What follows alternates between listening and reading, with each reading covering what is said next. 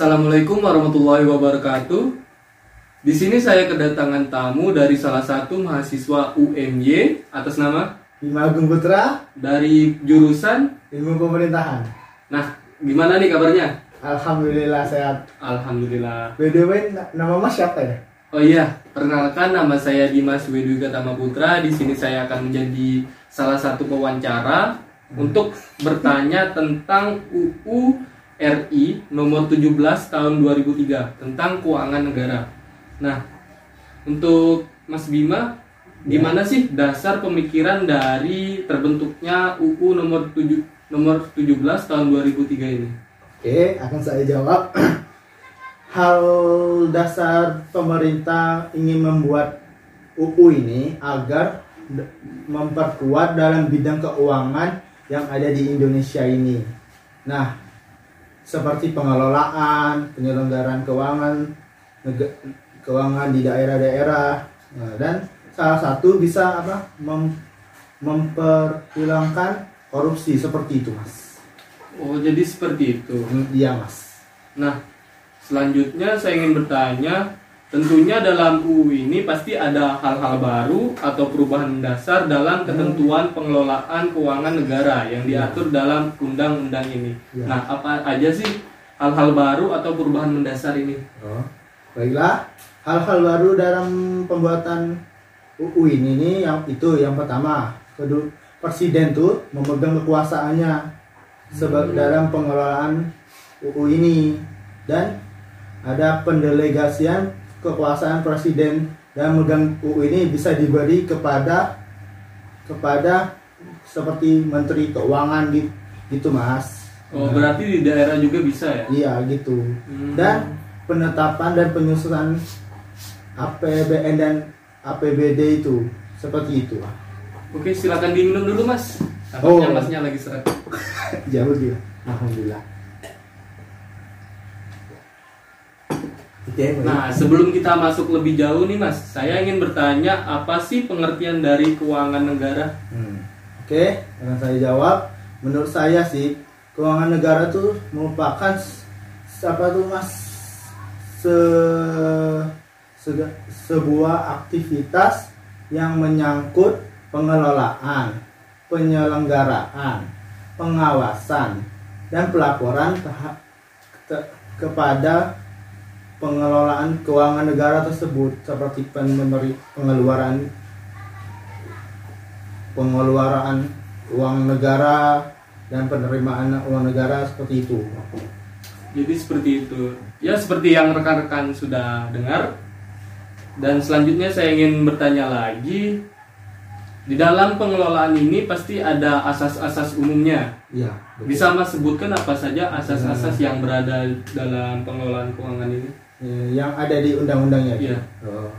Ya asas asasnya tuh yang perlu kita ketahui yang diperlu dalam undang-undang ini seperti asas akuntabilitas begitu pro- proporsionalitas sudah tuh proporsionalitas dan keterbu- keterbukaan dalam pengelolaan keuangan negara tersebut mas dan sekaligus memperkuat dalam jasa otonomi dan otonomi dan oto- otonomi negara seperti itu mas Jadi seperti itu ya Mas, pasti ada akuntabilitas, profesionalitas, proporsionalitas, keterbukaan dalam pengelolaan keuangan negara dan pemeriksaan keuangan. ya Nah, dari hal tersebut, siapa sih yang memegang kekuasaan atas pengelolaan keuangan negara ini, Mas? apa mas Kekua siapa yang memegang kekuasaan atas pengelolaan keuangan negara ini? ya yang memegang kekuasaan dalam pengelolaan keuangan nega- negara ini ya Iya. ya bi- tuh sebenarnya presiden presiden yang memegangnya itu Berarti yang paling memegang itu presiden, Iya. kemudian dibantu oleh para menterinya. Iya menterinya dan seperti ada pemberian pendelegasian kepada seperti Hmm. menteri keuangan gitu mas. Sesuai hierarki berarti ya. Iya. Nah, kemudian dalam UU ini pasti ada penyusunan dan penetapan APBN dan APBD. Nah, bisa Mas jelaskan gimana sih penyusunan atau penetapan APBN dan APBD ini? Penyusunannya itu pertama tuh ada penegasan dari DPR dan DP, DPRD dalam penyusunan APBN itu mas. Sudah setelah itu ada adanya pengintegrasian sistem akuntabilitas dan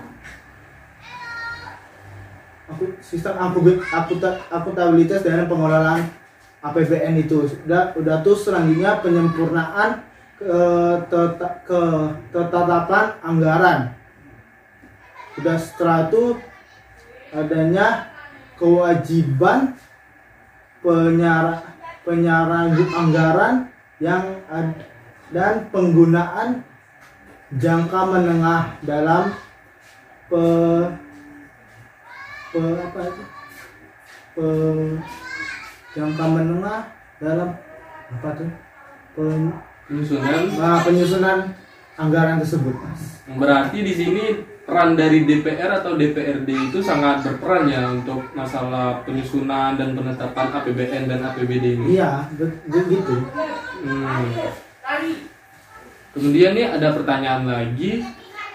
Nah, kita kan ada pemerintahan pusat dan pemerintahan daerah. Hubungan keuangan antara kedua pemerintahan tersebut bagaimana?